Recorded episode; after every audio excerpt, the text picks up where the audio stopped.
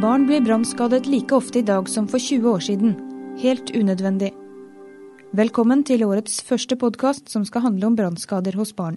En artikkel i tidsskriftet viser nemlig at brannskader hos barn skjer like ofte i dag som for 20 år siden. I alle fall ved Bergen legevakt. Tall på landsbasis og i andre kommuner kjenner man lite til fordi det mangler et nasjonalt skaderegister. Det er Kristina Brudvik og medarbeidere som har undersøkt brannskader hos barn i Bergen. I 2007 registrerte de 142 barn med brannskader, og som tidligere var det særlig de yngste barna som ble rammet. Over halvparten var under to år. Og det var særlig de små guttene som fikk brannskader. Vi fant jo også at det var eh, hjemme disse ulykkene oftest skjedde. Og, og det som var nytt i denne nye registreringen, var at det var oftere skader på ulike typer ovner, varmeovner og peiser som forårsaket kontaktbrannskader. Men som tidligere så var det også mye varme drikker som forårsaket skadene. Brudvik syns det er leit at skadetallene ikke har endret seg de siste 20 årene. Jeg syns det er trist, for jeg syns vi burde ha lært av eh, det vi har funnet i tidligere registreringer. Eh, vi vet jo også at brannskadeforebygging kan være effektivt, slik som man viste at det var i Harstad, hvor de greide å få ned antall brannskader på, på barn under fem år. Det står veldig dårlig til med brannskadeforebyggingen i Norge. Det sier professor Børge Ytterstad ved Universitetet i Tromsø.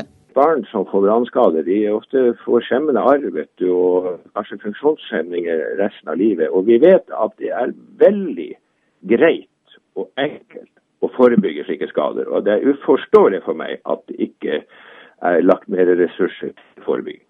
Han deler, ikke overraskende, Kristina Brudviks nysgjerrighet på om lignende lokale intervensjoner kunne ført til en reduksjon i antall brannskader blant barn.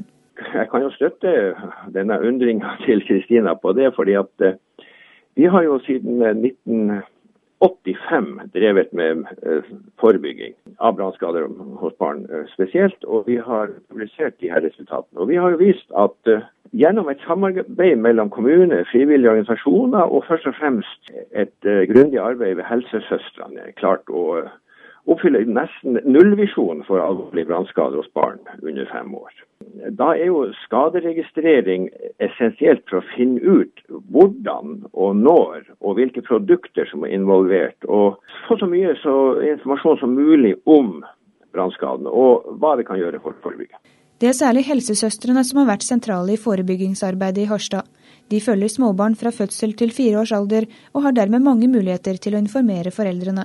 Uh, om f.eks. at barnet dro ned en kjele med kokende vann fra komfyren. Og Det er en god motivasjon for å få tak i komfyrvern og så montere det på ovnen. Uh, og så må vi jo da samarbeide med de som selger hvitevarer, slik at de komfyrvernproduktene som foreligger, passer på de forskjellige komfyrene. Og vår superhelsesøster Solveig Rostølbakken går rundt og kjennes på de her hvitevareforretningene hvis de ikke har det som passer. I Harstad informerer de også om at når varmtvannsberederen står på 65 grader, tar det bare to sekunder å få en tredjegrads forbrenning. Skrus den ned til 55 grader, tar det 30 sekunder. Men hvor mange barn som skades på disse måtene i Norge hvert år, det vet man ikke.